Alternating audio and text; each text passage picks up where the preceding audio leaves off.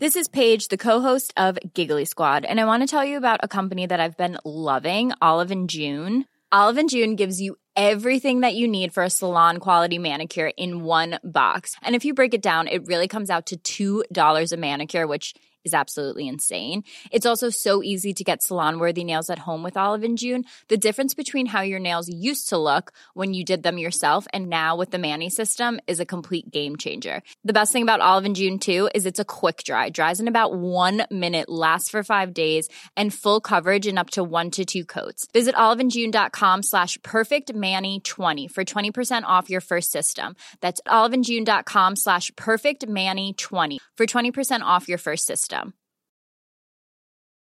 Life is full of what ifs. Some awesome, like what if AI could fold your laundry? And some, well, less awesome, like what if you have unexpected medical costs?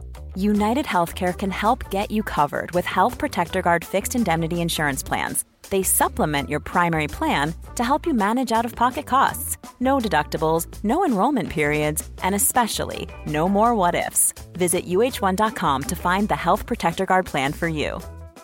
Burrow is a furniture company known for timeless design and thoughtful construction and free shipping, and that extends to their outdoor collection. Their outdoor furniture is built to withstand the elements, featuring rust-proof stainless steel hardware, weather-ready teak, and quick-dry foam cushions. For Memorial Day, get 15% off your Burrow purchase at burrow.com slash ACAST and up to 25% off outdoor. That's up to 25% off outdoor furniture at burrow.com slash ACAST. Hei og velkommen til ukens episode av Tirsdagsklubben med Becoming, som er din absolutt favoritt livsmestringspodkast i ditt eh, livet. Og i dag har vi en, eh, en spennende episode. I dag skal vi nemlig snakke om hormonell prevensjon. Og eh, vi skal lese litt av The Fine Print. Kanskje komme inn på ting og tang som du ikke visste, som jeg i hvert fall ikke visste da vi starta på, eh, på denne episoden her for noen uker siden, faktisk. For det som skjedde, var at eh, jeg sjøl har hatt hormonell prevensjon, eh, faktisk hormonell eh, hormonspiral, i 12-13 mm, år nå, kanskje. Og i det siste så har jo jeg vært på en indre reise, både indre og ytre reise. Jeg har tatt noen vanvittige grep rundt eh, livet mitt. Hvordan jeg spiser, hvordan, hva jeg ser på, eh, hva jeg leser, hvordan jeg beveger meg, hvem, hvilke mennesker jeg omringer meg med, og veldig mye sånn her. Og her har jeg da i små drypp her og der fått høre at hormonell prevensjon kan påvirke ditt mentale sinn. Og jeg prøver jo så godt jeg kan å få fullstendig kontroll over mitt eh, mentale jeg etter mange år med både følelse av angst og bølger med depresjoner og nedstemthet. Og eh, i den anledning så stilte jeg et lite spørsmål på Instagram. Der sto jeg naiv og mangel på kunnskap. Så lagde jeg en bare sånn kjapp liten story hvor jeg spurte eh, lagde en kjapp liten story hvor jeg bare spurte mine nærmeste venner på Instagram om noen av de hadde opplevd eh, mentale utfordringer på hormonell prevensjon. Og jeg regnet jo med å få et, to, tre, fire, fem kanskje svar i innboksen der av noen som kanskje hadde litt innsikt. Men det som skulle møte meg, det var den største innboksstormen jeg har hatt, kanskje så lenge jeg holdt på med Instagram. Det var 90% av mennesker som fortalte meg at de hadde blitt utrolig nedstemt og ugjenkjennelige på hormonell prevensjon. Det var mennesker som fortalte meg at de ikke hadde reagert i det hele tatt. Og det var mennesker som sa at de reagerte negativt, men at de sto litt mellom barken og veden fordi at de hadde hormonell prevensjon, prevensjon grunnet PCOS, endometriose og den type ting. Da kjente jeg at dette her må jeg grave dypere i. Så jeg ringte Isabel med en gang. Bare du, du, la oss dykke litt inn på hormonell prevensjon.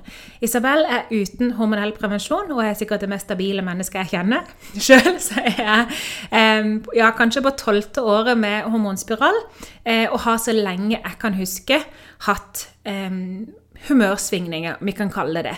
Jeg er veldig flink til å skjule de, men mitt indre jeg kan veldig ofte bli ekstremt eh, nedstemt. Så derfor har vi da dykka litt. Isabel har vært og snakka med en spesialist innen allmennmedisin og skal dele hva hun hadde å si. Jeg har vært og snakka med helserevolusjon.no og til og med fått henne til å joine inn på et intervju her i podden som kommer litt senere i episoden. Det vi ønsker, det er at vi alle sammen skal være opplyste forbrukere. At vi skal vite hva som står i the fine print. At vi skal vite sterkere hva er det disse bivirkningene egentlig er for noe, og hvordan kan vi forhindre diverse ting. Så hvis du som lytter nå gjennom episoden føler deg provosert, i feel you. Jeg har vært veldig provosert sjøl. Hvis du føler kognitiv dissonans, som betyr at du egentlig bare har lyst til å legge på og smelle telefonen i veggen fordi vi vet ikke hva vi snakker om, I feel you. Jeg har eh, følt det samme sjøl. Og hvis du føler på nysgjerrighet, så håper jeg bare at uh, vi her kan dele så mye kunnskap vi bare kan, sånn at vi kan ta gode, informative valg. Som sagt, jeg følger hormonspiral. Eh, Isabel er ikke, så her er vi jo to forskjellige parter. Jeg har jo kjempelyst til å bare kunne beholde denne her mensfrie tilværelsen min så lenge jeg bare kan, men jeg ser jo at jeg kanskje bør gjøre noen endringer. Så velkommen til dagens episode av Tirsdagsklubben. Så i dag snakker vi altså om hormonell prevensjon.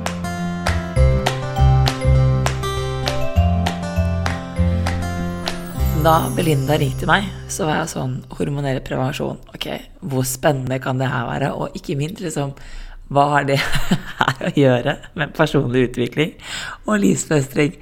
Eh, men som jeg sier, er jo at dette kan jeg ingenting om. Så skal jeg snakke om det, så må jeg lære mer. Så da gjør jeg det jeg kan best, og jeg tar jo kontakt med mitt fagmiljø og er sånn mm, jeg trenger hjelp. Så jeg booket en time med en spesialist i allmennmedisin. For bare sånn Ok, gi meg bare the basic facts om hva er egentlig hormonell prevensjon, og hvordan fungerer det, fra en sånn leges perspektiv. Og hun sa og dette, som, dette kommer til å bli et mantra gjennom hele episoden.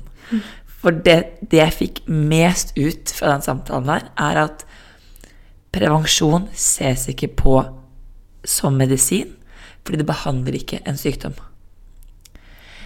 Men det er en medisin, for det tilsetter kroppen din noe. Så da var jeg sånn Ok, vi snakker om medisin her, folkens.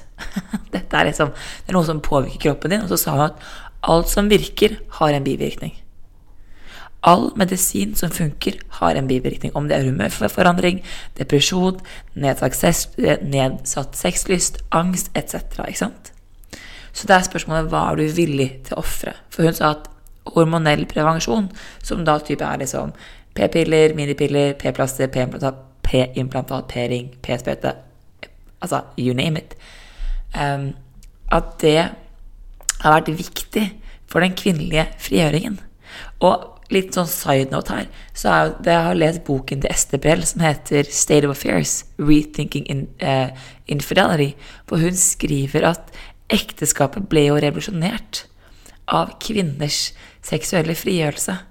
Fordi når kvinner fikk lov til å ha sex før ekteskapet, så trengte de ikke lenger eh, Så handlet ikke lenger ekteskap om økonomisk trygghet, men mer om kjærlighet.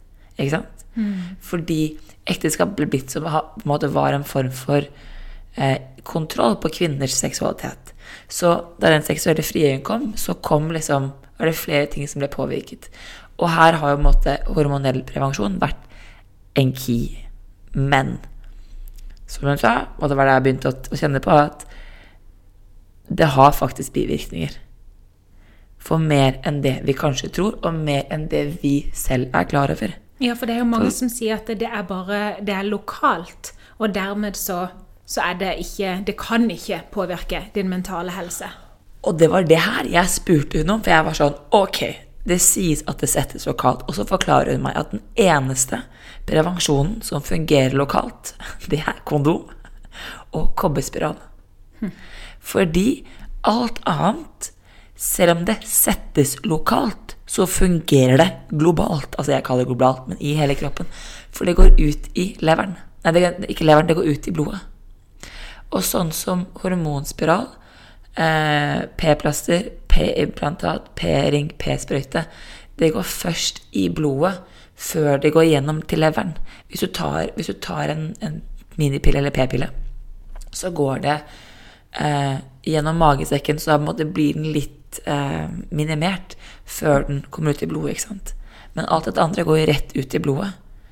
Og hvis du skal være veldig teknisk på det, så sa hun at p-piller har østrogen og gestagen, som er de to kvinnelige hormonene, mens minipille, p-plaster, p-implantat, p-ring og p-sprøyte kun har gestagen. Så de er mindre hormoner. Men at uavhengig av om det er p-pille eller minipiller, eller så Hvis ikke det er eh, så hvis, altså sånn Hormonprevensjon fungerer i hele kroppen, for det går jo gjennom blodet. Hun sa at styringshormonene Styringshormonene i hjernen påvirker produksjonen av hormoner i kroppen. Så det som skjer, er at kroppen din får beskjed av livmoren din, som er sånn Yo, uh, what's up? jeg er på vei i syklus, ikke sant? Produser hormoner. Så er det som kalles en negativ feedback, er når eh, livmoren sender beskjed til hjernen og sier at 'jeg har nok'. Jeg har nok hormoner, ikke sant? Mm. Som den da får via f.eks. en hormon, eh, altså eh, hormonspiral eller en p-plaster. Da overstyrer du den lokale eh, eller systemet i kroppen din. Og kommunikasjonen går via blodet og inn i hjernen og påvirker hormonproduksjon. Så det å si at det fungerer lokalt, mm, det, fun det funker ikke. For det går faktisk gjennom blodet. Det føles litt for meg som um, Har du sett Jeg vet ikke om du har sett den filmen Erin Brockovich? Det mhm. er med Julia Roberts, ja, basert på en sann historie, hvor hun da eh, var en kvinne som fant ut at det var et drikkevann i en by som var svært skadelig og forårsaka noen vanvittige sykdommer. Og hver gang hun gikk til høyere makter med dette her, så sa de nei, det er såpass lite i det vannet at det kan ikke forårsake de sykdommer som du refererer til. Men alle i den byen hadde jo disse sykdommene.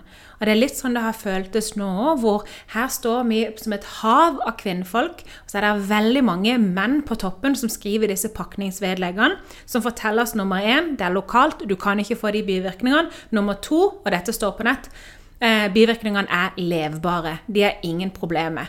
Og så går vi rundt da og føler oss at, liksom, at dette er bare den nye normalen. Og det som, det som, knuste hjertet mitt så mye, som jeg tror jeg kommer til å referere til flere ganger i denne episoden, det er de tilbakemeldingene jeg fikk av de kvinnene som da hadde vært gjerne 10-15-20-25 år på hormonell eh, prevensjon, som da bare De trodde at de bare var nevrotiske, paranoide, små crazy, ekstremt følsomme, vanvittig emosjonelle, ofte nedstemte. Det var bare sånn de var. Det var de kortene de fikk utdelt.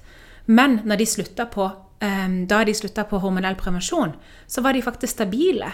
Og når jeg fikk de meldingene av så mange mennesker, da knuste jeg innvendig. For jeg har jo òg akseptert at jeg bare er litt sånn høyt og lavt og gråter mye.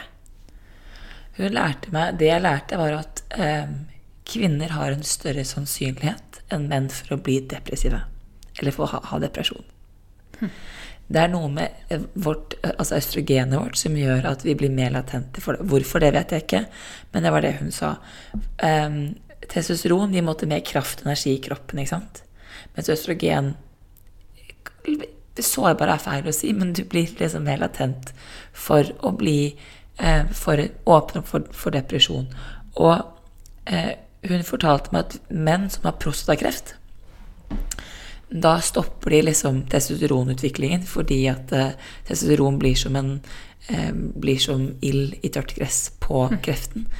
Eh, og da øker jo guttas østrogennivå, og da har de også større sannsynlighet for å bli deprimerte. Mm. Så østrogen har en, har en link med depresjon, som er en bivirkning av å gå på hormonell prevensjon. Men her, og at dette er viktig. Og dette sa han at dette er egentlig um, Hva sa han for noe? Dette er egentlig sånn det skal gjøres. Men om det er vanlig praksis, det vet hun ikke. Men for å sette diagnosen depresjon, så skal alle mulige bivirkninger, at depresjon skal være en bivirkning, skal være undersøkt før diagnosen settes. Det er et diagnosekriterium å se om depresjon kommer som en bivirkning, og ikke fordi det faktum at du faktisk er deprimert. Og hvis det er tilfellet, så må du som går på hormonell prevensjon, gå av. Utfordringen er hvis du har p-sprøyte eller p-plaster eller, eller eh, hormonspiral, så kreves det med deg å gå ut. ikke sant? En, et p-plaster varer jo mye lenger. En p-pille kan du bare kutte. Men hun sa at det skal testes ut for å se om det påvirker psyken. Og da tenkte jeg sånn, ok, dette her er faktisk Vi kvinner har Og det jeg snakket om i forrige episode, at jeg begynner å måte, få et litt annet forhold til min indre kvinne. og min kropp. Og det er noe med at vi må tørre å ta ansvar for den kroppen vi faktisk bærer. Og hun snakket også om det er eh, noen medisiner, eh, sånn som Paragin forte, antidepressiva og blodfortynnende, hvor det er visse mennesker som ikke får effekten av medisinene grunnet noen SYP-enzymer i leveren. Det betyr at hvis ikke du har disse SYP-enzymene, så brytes ikke medisinen ned i leveren. Og du får, ikke, du får ikke effekten av medisinen, du får kun bivirkningene. Um, og det samme kan gjelde rundt f.eks. hormonell prevensjon. At det er ikke alle som får den effekten av det, men får større bivirkninger. Vi, menneskekroppen er forskjellig. Hvordan vi vil over vender på den. Vi tåler ting annerledes. Så hun sa liksom, vær klar over det. Og så viser også det at en undersøkelse fra Danmark som er gjort på én million kvinner, fant en tydelig sammenheng mellom prevensjon og antidepressiva. Altså det er en sammenheng mellom folk som gikk på hormonell prevensjon og antidepressiva, enn folk som ikke gikk på hormonell eh, prevensjon og antidepressiva. Og det for meg var sånn Ok, kvinner. Her har vi faktisk en jobb å gjøre. Og jeg gidder ikke, bare så jeg har sagt, jeg orker ikke at man skal begynne å si 'jeg var med gutta'. For jeg er sånn, kvinner, la oss ta ansvar for egen kropp. La oss ta ansvar for egen kunnskap. Gutta kan gjøre det gutta kan gjøre. ok? At det, bare, at det burde vært muligheter der, ja, helt enig. Men la oss kvinner ta ansvar for egen kropp, Ja. egen kunnskap Yes. og eget valg. Ja, Denne episoden her er ikke for å sende legge skyld over på andre eller finne blame eller få noen andre til å ta problemet. Dette er en opplysning for oss som er på, på dette her. Med det så går vi over til Kristine, som driver helserevolusjon.no. Både på Instagram og på eh, internett. Det er mange spørsmål jeg har. Jeg har spørsmål om hva er det egentlig som skjer i kroppen vår når vi stopper mensen. Det spør jeg om av egen eh, nysgjerrighet, fordi nå har jeg stoppa mens i ti år. Jeg er nysgjerrig på hva med de som må gå på hormonell prevensjon pga. enten endometriose eller PCOS, eller sånne som meg, som ble satt på hormonell prevensjon fordi at jeg hadde vanvittige smerter og noen vanvittige blødninger. Er det noe vi kan gjøre? Hvor stort ansvar kan vi faktisk ta sjøl for vår egen helse? Og for å gjøre deg litt oppmerksom Nå er det kanskje meg som er miljøskada fra veldig mange år i, i dette offentlige yrket, men vær forberedt på å bli bitte litt provosert. Både av det Kristine sier, og det jeg sier. For i denne episoden så er det to stykk som har spist seg fri fra mye, tenkt seg fri fra mye, beveger seg fri fra mye, og som har en sånn indre idé om at vi sjøl kan gjøre mye større ting enn det vi er klar over. Så nå har jeg på en måte helgardert meg litt, og hvis du blir veldig sur, det forstår jeg, det ble jeg sjøl da jeg hørte dette i starten. Nei, nå sitter Isabel og rister på hodet. Jeg skal ikke unnskylde meg, det er det du vil? Helt, helt riktig. Altså, la oss la, Hvis folk blir provosert, ok, fett! Jeg er jo livredd nå, det å Isabel. Jeg provosere, ikke ha folk det er en gave, Belinda. Du skaper en reaksjon. Ok, greit, da skaper vi en reaksjon. Ah, jeg er kjempenervøs for den episoden. Jeg har Ja, bare lyst til å snakke om blomster og planter. Ja, men det, det skjønner jeg. Men det, vi, altså, hvis vi skal gjøre en episode som handler om Vi skal skape opplyste, opplyste forbrukere, så må vi tørre å stå i det sammen. Det er du og jeg. Greit, da står vi det sammen. Jeg redigerer ikke denne samtalen her ute engang. ok, da hiver oss rett over til eh, mitt intervju med den fantastiske Kristine, som driver helserevolusjon.no. Den kvelden hvor jeg spurte spørsmålet har noen av dere reagert på hormonell prevensjon, så ble jeg sittende i mange timer ute i de sene nattetimer og snakke med jenter, kvinnfolk, i min innboks.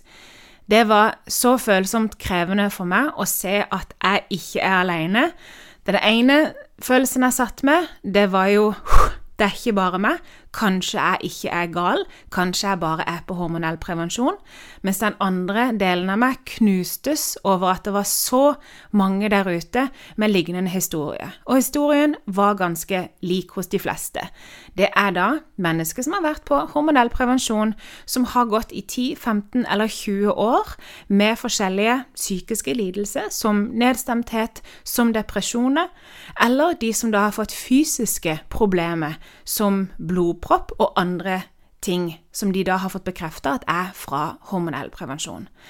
Da kjente jeg en sånn en utrolig trang til å gå dypere i dette, og noe som òg var gjentakende, var at mine følgere skrev 'følg helserevolusjon.no'. Der inne er det mye informasjon. Og for meg som var helt ny, en baby på dette området, så var det så mye der inne jeg skulle ønske at jeg visste.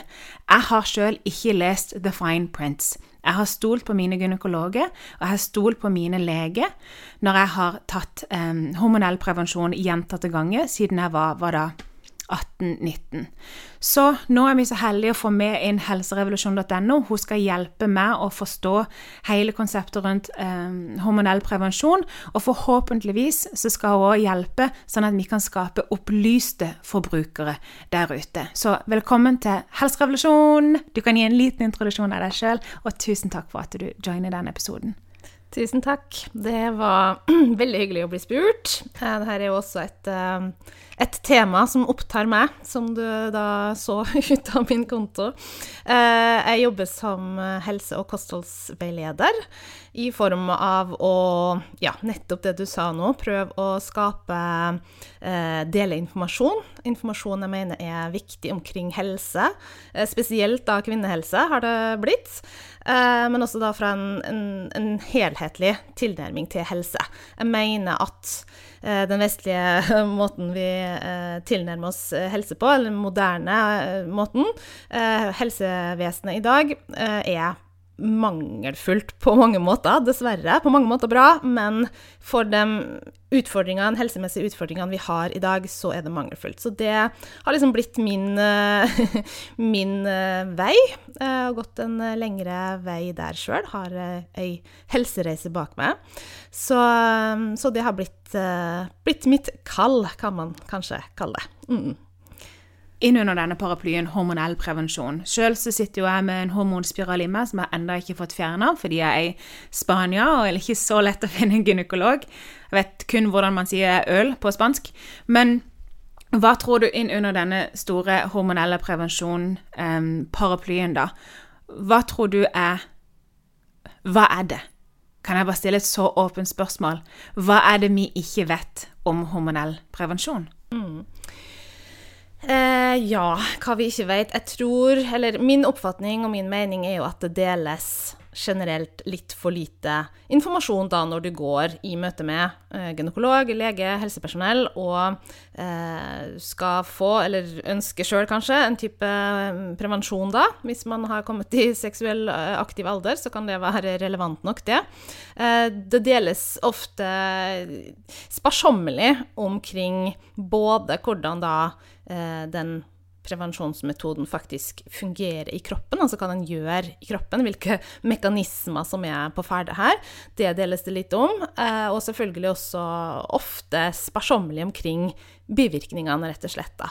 Nevnes, eh, trekkes ofte fram de her risiko for blodpropp og kanskje også brystkreft, som jo er de mest alvorlige, mest prekært, altså potensielt dødelige ting, det blir nevnt. Eh, men der er jo også risikoen der er jo sånn relativt liten, hvis man ser på statistikk og tall, sånn at eh, man informerer om det, fordi det må man. Også, men så blir det også gjerne oppfulgt av men sjansen er veldig liten. Og dersom da man ikke har sant, type blodpropp i familien og sånne ting, så, så blir jo det gjerne bagatellisert bort, vil jeg også si, da. Men ja, sjansen er liten. Men så tenker jeg også hva med alt det andre? sant? All, alle de her som tok kontakt med deg i forhold til nedstemthet, eh, depresjon eh, sant? og manglende lyst, smerter ved sex, eh, hodepine Altså så mange ting som gjerne da ikke akkurat blir presentert. Det, står nok i pakningsvedlegget, men igjen, hvem leser det?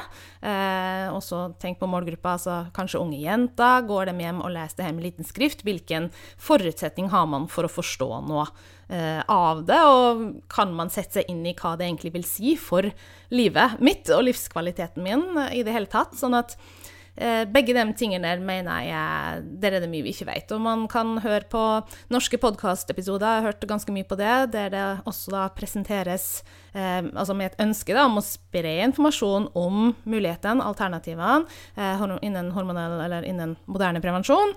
Eh, ofte det ting som ikke blir sagt der også. Det er litt sånn, litt sånn kort og litt eh, eh, Også litt sånn feilaktige ting. Man snakker om eh, hormonell prevensjon, f.eks. p-piller, som noe som regulerer menstruasjon. Som jo er feil, fordi da har man ikke menstruasjon. Man har en blødning, ja, men det er ikke en menstruasjon. En sånn små... Hva er forskjellen der? Hva er forskjellen på en blødning og på en menstruasjon? Fordi du Altså, for å ha menstruasjon, så forutsetter det, forutsetter det også at du har hatt eggløsning. Det har man da gjerne ikke på typisk p-piller. Altså det er jo litt forskjellig hvordan de her ulike metodene fungerer, da. Men en vanlig mekanisme er jo at det fjerner rett og slett eggløsning. Så du har ikke den eggløsninga. Eh, da har du per definisjon heller ikke en menstruasjon. Eh, sånn at du har en såkalt bortfallsblødning. Eh, og det er jo også gjerne noe som er lagt inn, da. Sant? Du kan jo velge å liksom ikke ha den blødningen i det hele tatt, hvis du bare fortsetter sant, og tar den mengden syntetisk syntetiske hormoner som i pillene, men det er jo gjerne lagt inn en sånn placebo, eller en sånn eh, hva heter det, en sånn uh, sukkerpilleperiode, som da gjør at du også får en liten blødning for å da um, At det mimic, skal vi si, hva er det norske ordet? Altså det etterligner sånn som en naturlig syklus ville vært, da. Men per definisjon så har man ikke menstruasjon da, og det kan kanskje mange se på som en teknikalitet. Det som betyr noe kanskje for jenter flest, er jo OK, det, det, kommer blod, samme hva du kaller det, men det er viktig fordi det handler om å forstå hvordan det her påvirker kroppen. Og jeg, jeg tenker at det er der det begynner, da, den her body literacy, eller kroppskunnskapen, som vi også mangler i bunn for å forstå hvordan er det syklusen vår fungerer, eh, hva er det som skjer i kroppen. Så lenge man ikke har den, så har man heller ikke muligheten egentlig for å ta et informert valg om valg av prevensjon, da. Fordi uh, man trenger den basiskunnskapen for å forstå hvilken påvirkning det her, de her preparatene har på kroppen vår. Det jeg ser her jeg Nå er jeg på mitt tiende år, tror jeg, uten menstruasjon. Eh, jeg ser på meg sjøl som en opplyst kvinne på veldig mange felt. Her har jeg ingen informasjon, men samtidig som i Eh, kvinner som er da, som bare går ti år uten menstruasjon og er liksom høyt og lavt mentalt, så ser man jo òg hvordan, hvordan kvinner i alle former, i alle medier, i, vid, i uh, film, i serier, i bøker uh, Vi blir jo sånn stereotypisk fremstilt som at kvinnfolk er de som har lavere sexlyst enn menn. Det er bare sånn kvinner er. Kvinnfolk er de som er hysteriske. Kvinnfolk er de som har mye følelse. Kvinnfolk er de som blir sure for ingenting. Kvinnfolk er de som er mentalt ustabile. Og da blir jeg sånn nærme vent litt, er vi egentlig det, eller er vi fulle av hormonelle preparater? Mm. Et veldig legitimt og betimelig spørsmål, vil jeg si. Absolutt. Uh, ja, altså, og, og, mitt svar, hvis jeg skal svare på det, så liksom ja. Uh, kvinner har jo en annen uh, sammensetning av hormoner som funker på andre måter enn det, enn det menn har. Og jeg tenker også at det hormonelle ubalanser er mer utbredt i dag. Og det handler jo om livsstil, det handler om mangelfull ernæring, det handler om toksiner, tungmetaller, ting som stress, sant? kronisk stress, ting som påvirker hormonene våre, forskyver dem, eh, skaper en ubalanse, som også da eh, bidrar til at det hormon, altså hormonelle uttrykk da, i emosjoner sånn kan eh, bli tydeligere, bli sterkere. Eh, så det er jo absolutt én ting. Men ja, også det her med hormonell prevensjon må man også se på i det bildet. Det er jeg helt eh, enig med deg i. også det samme, 15 år på henholdsvis p-piller og p-ring.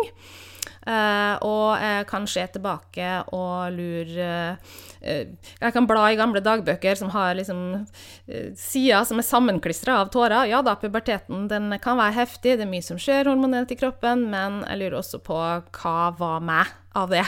Sant? Og, og hva var eh, egentlig syntetiske hormoner som, som, spilte meg et puss, rett og slett. Fordi jeg også ser jo ganske tydelige mønster i før og etter.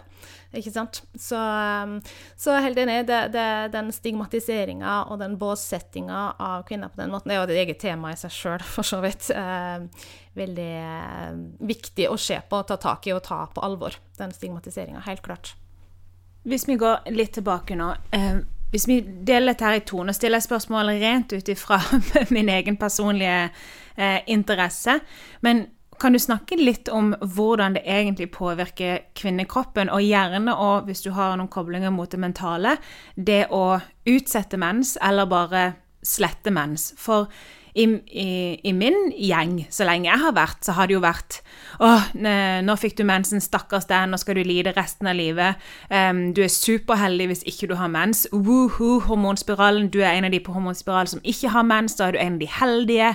Og det er liksom Mens har alltid blitt fremstilt, uh, i hvert fall i min gjeng, som noe veldig negativt. At du er superheldig dersom du er en av de som ikke har det. Så jeg har jo vært en av de heldige som ikke har hatt mens på ti år. Så hvordan påvirker dette egentlig kroppen å kutte ut en så viktig del av kvinnekroppen? Mm. Åh, ja, det har vært mange ting jeg er kjent for å si på det lange spørsmålet der. Men eh, ja, hvor skal vi begynne? Ja, eh, hvordan påvirker? Ja, altså det er jo uh, finnes jo studier, da, for å ta helt konkret. Det finnes studier som, og, og, ganske så store studier også, som viser at, at de syntetiske hormonene, for det, det, er jo det som skjer, i hvert fall da i store deler av dem, det vi kaller hormonell prevensjon, så tilføres det eh, hormonlignende stoffer som da kjemisk eller biokjemisk ligner på våre naturlige hormoner, eh, som vi produserer sjøl, men de er ikke helt like. Så de har fyller ikke de samme kravene, kan du si, og får da ikke utført de samme oppgavene, eh, men liksom tilstrekkelig til at det påvirker. Og på en måte hjernen oppfatter da at oi, her er det nok eh, hormoner ute og går, så da skrur det ned egenproduksjon. Så det som egentlig skjer, da, at det skrur ned kroppens egenproduksjon av primært da østrogener og progesteron, som er de to viktigste kvinnelige kjønnshormonene som er i spill under syklus. Um, men så, så, viser det seg da at her, tilførselen av de her syntetiske variantene det påvirker bl.a. Eh, tarmen vår. Og tarmhelse er jo noe som har heldigvis fått økt, eh, økt oppmerksomhet de siste åra. Vi begynner å se at, det er, eh, at tarmen er uhyre viktig for. De sier jo at eh, tarmen er hjerne nummer to, er det ja, ikke det? Nettopp. Mm. Mm. Og uh, store deler da, av de her uh, f.eks. nevrotransmittere som uh, er si, påvirker eller som bestemmer humøret vårt, det har sitt utspring i tarmen. Sånn som f.eks. serotonin, hvor 95% av serotoninet produseres i tarmen. Eh, det var det jo gjort en større dansk registerstudie på det i 2016, tror jeg. Jeg tror det var en million kvinner som var med i den, eh, i den undersøkelsen der, og fant at det hadde påvirkning da, på serotoninproduksjon, som igjen da Serotonin er jo det her ja. glad, glad lykke, en naturlig lykkepille, på en måte, som eh, gjør at vi føler oss oppstemt og glad og i det hele tatt positive følelser i sving. Uh, er det ikke også en sånn mood stabilizer som gjør at man, man har et sånn stabilt, uh, godt humør, da? Ja. Ja, det kan du si. Mm. Ja. Så utrolig mm. viktig for hvordan vi føler oss, kjenner oss, om vi blir glad, nedstemt eller ikke, den her serotoninnivåene i kroppen. Så, så, det er jo et eksempel på hvordan direkte, man direkte har funnet at det da, at det da påvirker. Uh, og vi ser jo tallene. Uh, nå har jeg ikke dem foran meg, men hvor, hvor, økt andel da, av jenter og kvinner som unge jenter, altså mellom 14 og 16, det her har vi jo sett på også i Norge, at det er økning da, innen eh, depresjon og nedstemthet og angst og psykiske plager, rett og slett. Det har økt ganske drastisk de siste åra. Så da er det jo litt spennende å se på det kan være mange årsaker, selvfølgelig. er er veldig sånn at Det finnes nok neppe én årsak til ting. altså Det er veldig mange ting ved vår moderne livsstil som påvirker helsa vår, tror jeg, både fysisk og psykisk. Alt fra kosthold og stress og skjerm og sosiale medier og press og sånn. Altså, du har så mange faktorer. Eh, men hormonell prevensjon må vi ikke glemme oppi det her, altså. Fordi helt klart, vi, vi ser det i, i studier. Det, det påvirker. Så, og noen mer enn andre. sant? Vi er jo ikke, vi er jo ikke like. Du har, fikk jo også sånn tilbakemelding, som du sa, fra folk som det. For meg har det fungert tipp topp. Jeg har ikke merka noe særlig. Så noen merker veldig kjapt bivirkninger. Noen, for noen tar det lengre tid. Eh, Det vi ofte hører, er jo at eh, ja, du kan merke litt bivirkninger i starten, og så går det over. Det er også litt sånn mm, Ja, det skurrer litt der, altså. Går det over, eller på en måte Ja, altså, kroppen blir jo selvfølgelig vant til det her nye, men eh, som Siri Kalla, veldig dyktig eh, norsk innen fertility awareness, sier at det, hormonell prevensjon har alltid bivirkninger. Det, det påvirker kroppen. Sant? Det gjør noe biokjemisk med kroppen, så det har bivirkninger. Men det varierer hvor godt vi kjenner det, hvor fort vi kjenner det, hvor lenge vi kjenner det, hvor sterkt vi kjenner det osv. Så, videre. så det, det vil variere, men det har alltid bivirkninger. Ja, for der er det jo veldig fra, person til person hvor em, hvor mye kontakt med deg sjøl du er òg. Ja, For det ser er vi jo de gangene vi har eh, snakka om da eh, at det du ser på, påvirker deg, at menneskene du omgir deg med, påvirker deg, at omgivelsene dine påvirker deg, eh, og ikke minst hva du spiser, påvirker deg. Og da får vi jo ofte de som bare Nei, vet du hva, jeg er faktisk en av de som ikke blir påvirka. Og da tenker jeg i mitt stille sinn at nei, du er en av de som ikke er i kontakt med deg sjøl. Så du er ikke klar over i hvilken stor grad du faktisk blir påvirka. Så um, Det kan nok var- også sikkert være tilfellet Ja, i, i, det, det, det er tøft å si. Det er en tøft statement å, å komme med, men, men du, du, er helt klart inne på noe. Det skal jeg være så ærlig å si at det tror jeg også. Det har noe med at Igjen tilbake til den her body literacy, og hvor, hvor dyktige er vi i dagens samfunn til da å lytte innover. Eh, litt sånn, blitt litt sånn flosklete det der med å lytte innover, men det er faktisk viktig. Hvor godt kjenner vi kroppen vår, hvor godt følger vi med? Vi er jo veldig ytre styrt. Sant? Det er så innmari mye som skjer på utsida. Det foregår så mye, det er så høyt tempo, så hvor godt får vi liksom lytta innover og faktisk eh, ja, få en, en riktig og en ærlig oppfattelse av hva som skjer i kroppen, da. Det er jo en annen, ting, faktisk avgjørende. en annen ting er jo at vi er jo så utrolig vant til å være bitte litt syke, og det er ingen som Eller det er svært mange som ikke stiller spørsmålstegn til hvorfor man er syke, og de ser ikke heller på det som sykdom, sånn som de som har eh, Nå tar jeg meg sjøl som et eksempel. Jeg hadde i store deler av mitt liv eh, kroppen dekka i eksem, en hodebunn eh, full i psoriasis, gått på Elokon fra legen siden jeg var 17. Eh, sånne kronisk betente mandler som alltid må skylles ut. Sant? Sånne store, ekle klumper som stinker. Um, mye migrene, mye hodepine, mye nedstemthet. Um, og alle sånne ting. Mye allergier for absolutt alt. En vanvittig pollenallergi. Uh, så jeg måtte, kunne ikke fungere. Jeg måtte liksom ha hjemmekontor og låse meg inne i, på vårsesongen. Og, men dette var jo bare en del av, av mitt liv. Og hvis, du, hvis jeg diskuterte eksemen min med noen, så var det liksom Ja, hva bruker du? Hvilken, bruker du kortison, eller sant? Hva bruker du? Og når jeg diskuterte um, psoriasisen min, så var det ja, hvordan fungerer Elokon? Med pollen, ja, hva slags medisiner tar du? Men det var aldri noen som da gikk inn i f.eks. tarmfloraen, som gjerne da kan fikse disse problemene. Og jeg ble jo veldig overraska, og dette er litt skummelt å snakke høyt om, for nå vet jeg at mange som lytter, blir veldig, veldig sure, for jeg ble veldig sur da jeg studerte dette temaet for noen år siden, og folk prøvde å fortelle meg at jeg kunne at det var meg som var årsaken til at jeg var syk, bitte litt syk, og at det var meg som var, eh, at jeg kunne fikse det. Men da jeg da begynte å begi meg på en litt sånn livsstilsreise, hvor jeg da hadde en sånn lite indre mål, eller et stort indre mål om å spise meg frisk fra alle mine småplager, da fikk jeg for det første massiv motstand fra alle de jeg møtte som jeg fortalte dette til. Um, og, men da det funka for meg, da jeg ble frisk fra alle mine plager, så begynte jeg jo å se at herregud, vi mennesker er faktisk ikke skapt til å være bitte litt syke på veldig, veldig mange områder. Vi bare ser ikke innover, vi bare ser på det ytre hele tida. og her har jo da denne hormonelle prevensjonen er på en måte den siste delen som er ikke i det hele tatt. Nå har jeg studert og spist og meditert og stått på hodet i fem år. Eh, det er den hele den reisen fra jeg begynte å innse at kanskje jeg kan ta mer kontroll over egen kropp og egen syke.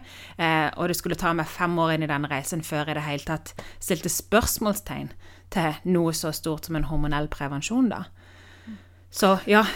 Ja, og da er du jo inne på et liksom, et sånn større bakteppe bak, som ikke for så vidt bare handler om hormonell prevensjon, men som handler om helse generelt, og helhetlig helse generelt. Fordi mm. det er en sånn symptomatisk greie ved eh, helsevesenet og medisinen sånn som den praktiseres i dag, da, at vi symptomkamuflerer.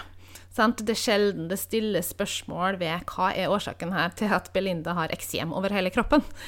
Mm. Altså, det er ikke meninga vi skal ha eksem over hele kroppen. Det er heller ikke meninga at vi skal gå, eller at unge jenter skal ligge, eller voksne damer skal ligge eh, på badegulvet og blø og i kramper sant, hver gang man har mensen. Eh, altså, det er så mange sånne ting, som du sier, plager, nedstemthet, både fysisk og psykisk, som i dag blir på en måte sett på som normalt. Ja, det er mm. vanlig, men det er ikke normalt. Veldig stor forskjell på vanlig og normalt. Eh, mm. Sånn at eh, Eh, ja, liksom, det, det, det, sånn er det bare. Men blir gjerne, det blir gjerne bagatellisert på. Sånn er det å være jente, sånn er det å ha mensen, sånn er det å bli eldre, sånn er det å komme i overgangsalderen. Eh, det er sånn det er, og vi tenker ikke noe mer over det. Og det, det mener jeg helt feil. Det er en av de tingene som er, som er måtte jeg si, eh, hoved... Tankegangen da, i forhold til helserevolusjon. Det her må vi få snudd. Vi er nødt til å ha en mer eh, årsaksretta tilnærming til helse. Vi er nødt til å begynne å ta de her kroniske plagene på alvor. Ikke bagatellisere dem bort, ikke symptombehandle dem bort. Eh, og der er det jo også det her viktig å få inn at hormonell prevensjon det er to måter det generelt brukes på. Det er jo selvfølgelig for å forhindre graviditet. Veldig fair. Og bare så det også er sagt, det er ikke imot hormonell prevensjon. Det er alltid noen som eh, kommer og tenker det at det er imot det. Eh, det er ikke tilfellet. Vi ønsker bare å stille relevante kritiske spørsmål og få mer informasjon ut der om det her. Så det er én mm. ting, at det brukes for å forhindre uønska graviditet. Viktig. Har vært en viktig ting i kvinnefrigjøring osv. Men så brukes det også også eh, da for å si, lindre plager da, i forbindelse med syklusrelaterte ting i forhold til det her med menstruasjon. Altså, nå så vi unge jentene i ti års alder bli satt på p-piller fordi de har smerter under menstruasjon, eller blør mye, eller har generelt plager i forhold til det. Um, det, det, er det jeg aller, aller, aller mest kritisk til, fordi det mener jeg er grov feil uh, behandling, rett og slett, og en bagatellisering av da en kropp som helt tydelig er i ubalanse. Det er ikke meninga skal være sånn. Igjen, jeg siterer Siri Kalla, en av mine store helter innlysende. Um, hun sier det skal ikke gjøre vondt å være kvinne. Sant? Det er litt sånn egentlig veldig innlysende, men så er det ofte det vi blir slengt i fanget som en sånn er det bare. Så for meg er det å sette jenter eller kvinner på p-piller eller lignende for å få bukt med slike plager, er som å sage av armer fordi du har vondt i den. Altså, det, det, blir som å fjerne røykvarsleren som pip fordi det brenner. Det slukker jo ikke brannen, men det forhindrer bare pipinga. Altså, kroppen kommuniserer med. Kroppen prøver å fortelle at her er det noe som er i ubalanse. Den krever din oppmerksomhet. Hallo, hallo. Og så skrur vi det mm. av. sant? Lampa mm. i dashbordet på bilen, annen fin metafor som jeg gjerne trekker frem. Eh, det pip, eller det blinker i dashbordet ditt på bilen. Monterer du ut lampa, eller tar du bilen på verksted? Sant? Ingen er i tvil. Du tar bilen på verksted fordi det her er et signal om at noe er i uorden i motoren her. Og hvorfor, hvorfor Men, tenker vi ikke likedan om kroppen vår? Jeg tror, jeg tror, ikke folk har, har sett koblinga mellom det faktum at kroppen vår eh, lever og fungerer på riktig næring, og sånn som du sier, når det er noe som er feil i kroppen, så må man kanskje gå ned i næringa. Hvor, hvor, hvor, er det det er mangel her? Og vi, vi, lever i en verden og i et samfunn der alt handler om smak. Sant? Det, er ing, det er svært få som stiller spørsmålstegn til hva, hva er ingrediensene på den her, hvordan kan det påvirke det? Hvordan påvirker det å gi barn eh, masse ting med en vanvittig lang ingrediensliste? Men folk er ikke opplyste, for vi, vi blir jo for, Herlighet, her kunne vi jo skrevet en, Ja, eh, hatt en helt annen episode. Men det er jo et litt sånn et, et brennende tema for meg på privaten, da. Det er jo rett og slett akkurat det vi snakker om her, og at folk har for lite kunnskap til å forstå hvordan kroppen fungerer. Og jeg jobber jo med, mye med planter, og der er jo saken veldig enkel. Dersom noen av bladene er blasse eller har problemer, så er problem, ligger problemene aldri i bladene. De ligger alltid i rotsystemet eller i jorda. Og sånn er jo kroppen òg. Veldig enkel. Herlig, da fikk jeg en ny Så, um, metafor kan bruke. Ja. Ja. Ja. Jo, men whatever. Altså, hva som får folk til å forstå den sammenhengen, og trekke den, Mm. trekk den parallellen da, til vår egen kropp, det er så utrolig viktig. Ehm, ja, nei, det, og det samme her. Jeg hadde jo også denne helsereisa mi, var visse plager jeg gikk med i mange år, og kraftige menstruasjonssmerter var en av dem. Brukte gjerne en pakke Ibux hver eneste måned for å få bukt med det. Det var det eneste som funka for meg. Eh, tenkte ikke så mye på det. Ingen hadde heller sagt at Ibux eh, liksom Det får du jo på bensinstasjon. Altså, hva, hva er problemet? Det, alle bruker det. Man tenker sånne ting som det, og ja, tar det. Um, men det var jo en av de positive ringvirkningene som da forsvant når jeg tok tak i helsa mi, som egentlig hadde som mål å fikse for så vidt andre ting, stoffskifteproblemer og, og andre ting, men eh, menssmertene forsvant med 98% Nå kan jeg kjenne litt murring, og det, det er for så vidt innafor normalen. Eh, men eh, jeg ligger ikke i senga og, og har fryktelige, fryktelige smerter. Og samme som når du sa pollenallergi. Jeg også hatt pollenallergi hele livet, så lenge jeg kan huske fra jeg var barn. Det forsvant også i samme slenge. Sant? Så alt eh, Ja da, så alt er i hvert fall med 98% Jeg kan nok sikkert snufse litt, men, men altså, det, det en enorm, enorm forbedring, og det var heller ikke tilsikta fra min side, for det var heller ikke noe som jeg hadde tenkt at det kan man gjøre noe med. Det er bare sånn, det har du, det har du alltid hatt, sånn kommer det alltid til å være. Ja, sånn er det bare. Du har ikke kontroll over ditt eget liv. Og det, det er bare sånn det er. Nå må du akseptere at sånn er livet. Så tar du Ibux hvis ikke det fungerer. Så tar du en liten cocktail, Ibux og Paracet. Bare dobler den hvis ikke det fungerer. Legg den ned og vent til det går over. Pill for an Det er liksom- sant? Det, det Ja. er litt sånn forenkla satt på spissen, som er liksom litt den vestlige tilnærminga til helse, da. Hvis man skal være litt slem. Ja. Det er Og der ser vi jo på, på sosiale medier nå etter pandemien, så er det jo mange som har eh, vært syke og fått et veldig veldig svekka immunforsvar. Og der òg blir jeg så lei meg når jeg ser folk er syke uke til uke til uke til uke, og så er det liksom 'Å, nettopp spist en Grandis, liksom, har tatt en Paracet og Ibux, eh, skylt det ned med Pepsi Max, og så håper jeg at jeg snart blir bedre'. Så er det 'Oh my God, kjære lille venn'. Kjære, kjære du. Våkne opp og ta tak. Og jeg, igjen, jeg er òg super for hormonell prevensjon. Jeg er super for prevensjon. Jeg er jo òg frivillig barnløs. Eh, Jeg preven, prevenserer meg oppå i vente. Da er jeg liksom den som gjerne kan eh, bruke eh, hormonell prevensjon og kondom og hoppe i svingen, bare sånn just Ja, to be safe, sant? Ja ja. Um, men uh, heier jo da veldig på, um, uh, på at vi skal være opplyste forbrukere. Eh, og ja, for det i absolutt alt. Uansett hva du gjør, vær en opplyst forbruker. Forstå hvordan kroppen din fungerer, og vit hva det er du putter i den og putter rundt den. Og vi har så vanvittig mye kontroll, og jeg er så takknemlig for at jeg er født på 80-tallet, og at jeg er født inn i en verden med vestlig medisin, men vi har mye vi kan gjøre før vi trenger å gå dit. Det og jeg tror det er der folk ikke er kanskje så opplyste. Ja. Det er fall der jeg sjøl har mangla eh, mye kunnskap. Men for å avslutte nå, hvis du kunne kommet med en oppfordring, noe du ønsker at vi skal ta tak i, eller en endring som skal skje, hva, hva er din call to action? Hva ønsker du at, at vi skal gjøre? Oi, ja. Um, først og fremst lær kroppen å kjenne. Uh, Sett deg inn, altså det her med body literacy, kroppsforståelse.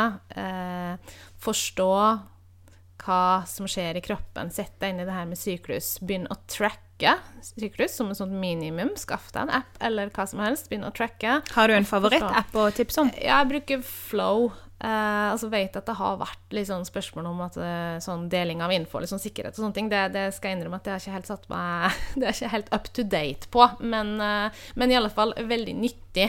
og, og, begynne, og utrolig interessant å begynne å se OK, ja, men nå er jeg i den fasen ammonia. Det kan jo forklare hvorfor jeg liksom er litt flatere da, f.eks., eller litt mer oppstemt da, eller mer lyst da, eller sånne ting som det. Eh, en forutsetning, og, og, utrolig viktig også for oss som da har døtre, å begynne å, å snakke om det her med menstruasjon. sant? Vi, vi vil bort fra det her at det er skam og det er fælt, og altså, det er jo en gave, for å si det litt uh, flosklete, men altså eh, og det her må inn med morsmelka. Altså, Jeg er en seksåring, og hun vet veldig godt hva en menskopp er allerede. uh, sant? Det har hun gjort siden hun var tre. Utrolig viktig at det kommer inn tidlig. Uh, det svaret jeg fikk av min mor, som også gjorde sitt beste, vokste opp på 50-tallet. Hva fikk hun av informasjon fra sin mor? sikkert ikke mye, men når jeg spurt, fant tampongene hennes og spurte hva det var, så fikk jeg til svar det er sånn som voksne damer bruker. Det var det svaret jeg fikk, og så sa hun ikke noe mer. sant? Så liksom det må vi endre. Eh, det her med kvinnehelse, sykehus, mensen, det må opp og frem. Og så eh, det må, som du sier, må være en bevisst og informert forbruker. Helsa di er ditt ansvar, og det handler ikke om å legge skyld på noen. Det var du også inne på, som er liksom viktig for meg å få sagt. At det handler ikke om at det er deres skyld at du er syk, sjøl om livsstilsvalg og kosthold og alt det her. Ja, det påvirker, men vi gjør så godt vi kan, alle under den forutsetningen vi har, og vi lever i et system mm. som er sånn og sånn. Det er ikke alt som er like lett å påvirke. Uh, vi gjør så godt vi kan, men likevel så er det utrolig viktig å ta, altså, snu mentaliteten, som du sier, at vi har faktisk mye vi kan gjøre. Det er mye vi kan påvirke sjøl. Eh, så og omkring prevensjon og den type ting, da, så kjempeviktig at det her eh, tas en eh, det, må en endring til, sant? også i helsesystemet og sånne ting, men det er ikke sikkert vi får gjort over natta. Derfor er det utrolig viktig at vi sjøl tar det ansvaret for oss sjøl og for døtrene våre, og for så vidt også sønnene våre. Altså, det her, prevensjon er jo faktisk ikke bare kvinnens eh, greie, egentlig. Et ansvar som bør deles, og de her kvinnene og jentene som vokser opp nå, er jo også prisgitt de mennene, som også guttene som nå blir voksne, og som at de også sant, får innsikt i det her og får en forståelse for det. Vi trenger forståelsesfulle partnere og sånn, som ikke sant, kan, kan også være med og, og, støtte oss på det her, da. Mm. Så ja, så er det det her med Som vi ikke snakka om, men altså det her med eh, alternativer da, sant, til hormonell prevensjon. Det fins alternativer. Eh, da er det jo veldig ofte de her naturlige måtene og tracking av syklus og bruk av uh, computer og sånne ting som trekkes frem, som ikke da har så veldig god sikkerhet. Det er veldig viktig å skille her mellom det og uh, symptotermale metoder, sånn som f.eks. justismetoden, eh, hvor du da tracker livmorsekret og kroppstemperatur, og du ja, lærer kroppen å kjenne på en helt annen måte. Den er jo like sikker som p-piller når den brukes riktig. Sånn at eh, Bare sånn for dem som sitter og lurer på at, ja, men hva slags alternativ fins, hvordan skal ja, jeg unngå å bli gravid? Jeg lurer, jo, jeg lurer jo på det, for jeg er jo er jo hun, altså, veldig, veldig frivillig barnløs og har planer om å være det for alltid.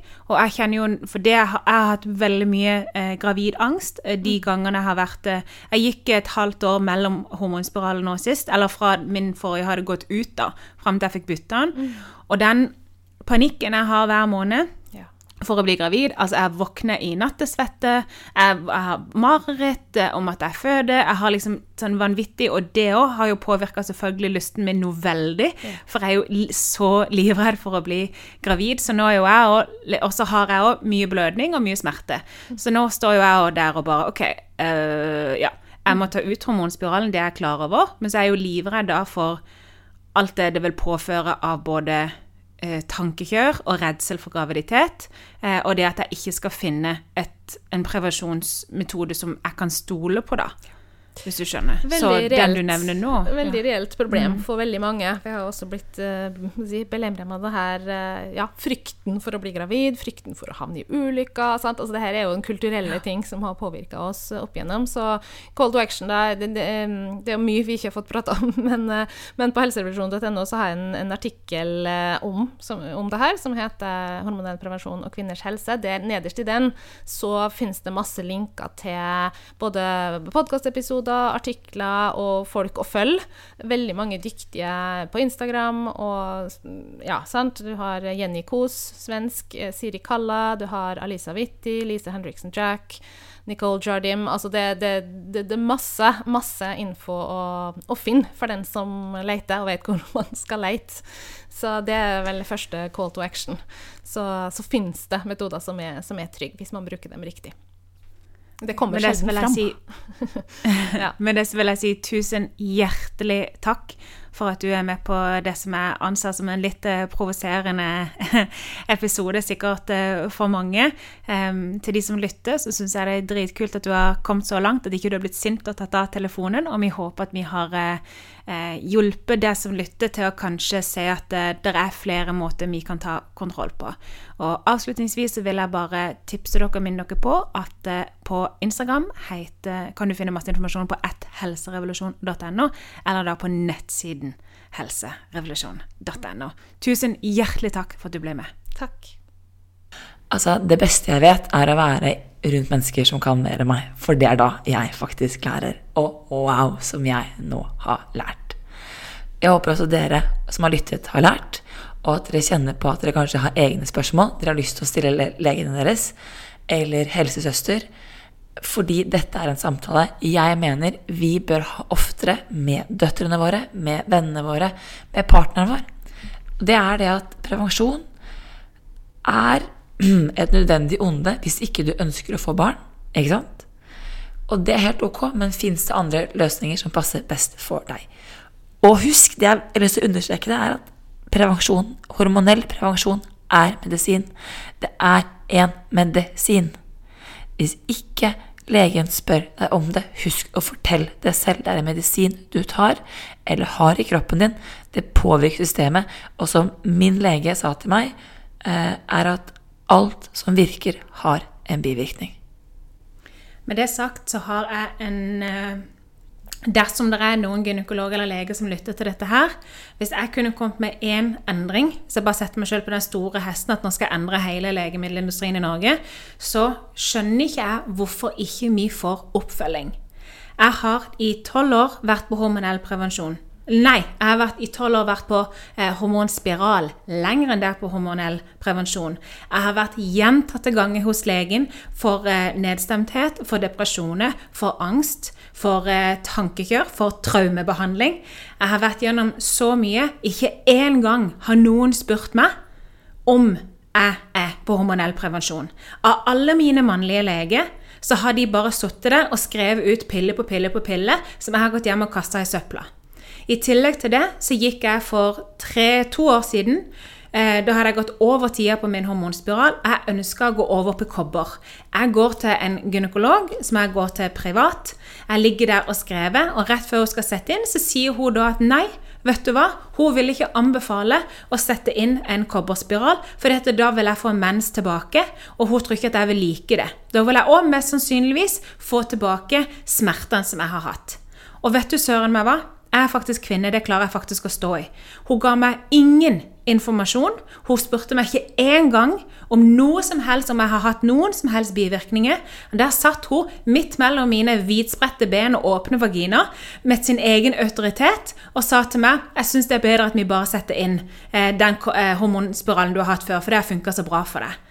Jeg har bare lyst til å si en kjempestor fuck you to Vet du hva? Hun kunne faktisk kommet med litt ordentlig informasjon. Eller når hun først setter inn den hormonspiralen, som jeg da takka ja til, for jeg satt jo der supernaken, bokstavelig talt, at ikke jeg har fått oppfølging. Hvorfor får ikke jeg en telefon hver sjette måned, eller i verste fall en e-post eller en SMS, der det står 'Opplever du noen av disse symptomene?' Det kan være en bivirkning på den hormonelle prevensjonen som ligger i kroppen din. Ta kontakt dersom du har noe spørsmål. At ikke det eksisterer når så mange av oss kvinnfolk er på hormonell prevensjon, når barn får tatt hormonell prevensjon, det er meg et vanvittig mysterium. Så med det så skal jeg puste dypt, ta litt quantum flow, kjenne på takknemlighet for eh, alt godt i livet, og takke alle lytterne som har hørt eh, dette her. Så sammen kan vi kanskje gjøre en liten eh, vi kan hjelpe hverandre opp til å la, la, oss, la oss hjelpe hverandre med å bli opplyste. La oss hjelpe mm. hverandre med å huske på at vi har eget ansvar for egen kropp. Og den personen jeg er på vei til å bli, og jeg ønsker å være en opplyst forbruker, jeg ønsker å være en opplyst person som mm. gir kroppen min godt. Det vet jeg at du også gjør, min kjære Belinda. Så det er det vi ønsker at lytterne også skal ha. Muligheten til å bli opplyste, ta egne valg basert på kunnskap de har tilegnet seg gjennom Becoming. Dun, dun, dun, dun. Dun, dun, dun, dun. Vi mangler sikkert supermye informasjon på dette temaet, så vær så snill, du kan dele så mye du kan på sosiale medier. Tagg oss overalt. på eh, Instagram-taggen vår er at becomingthepodcast. Min egen er at Belinda Jacobsen. Isabel er at Isabel Engelhardt. Vi har kjempelyst til å lære, og så skal vi løfte hverandre opp, heie på hverandre og skape en fantastisk hær av opplyste mennesker. Tusen takk for at du lytta. Even when we're on a budget, we still deserve nice things. Quince is a place to scoop up stunning high-end goods for 50 to 80% less than similar brands. They have buttery soft cashmere sweaters starting at $50, luxurious Italian leather bags, and so much more. Plus, Quince only works with factories that use safe, ethical, and responsible manufacturing. Get the high-end goods you'll love without the high price tag with Quince. Go to quince.com slash style for free shipping and 365-day returns. Mom deserves the best, and there's no better place to shop for Mother's Day than Whole Foods Market. They're your destination for unbeatable savings, from premium gifts to show-stopping flowers and irresistible desserts. Start by saving 33% with Prime on all body care and candles. Then get a 15-stem bunch of tulips for just $9.99 each with Prime. Round out Mom's menu with festive rosé, irresistible berry chantilly cake, and more special treats. Come celebrate Mother's Day at Whole Foods Market. Imagine the softest sheets you've ever felt. Now imagine them getting even softer over time. That's what you'll feel with Bowl and Branch's organic cotton sheets. In a recent customer survey, 96% replied that Bowl and Branch sheets get softer with every wash. Start getting your best night's sleep in these sheets that get softer and softer for years to come. Try their sheets with a 30-night guarantee. Plus, get 15% off your first order at bowlandbranch.com. Code BUTTERY. Exclusions apply. See site for details.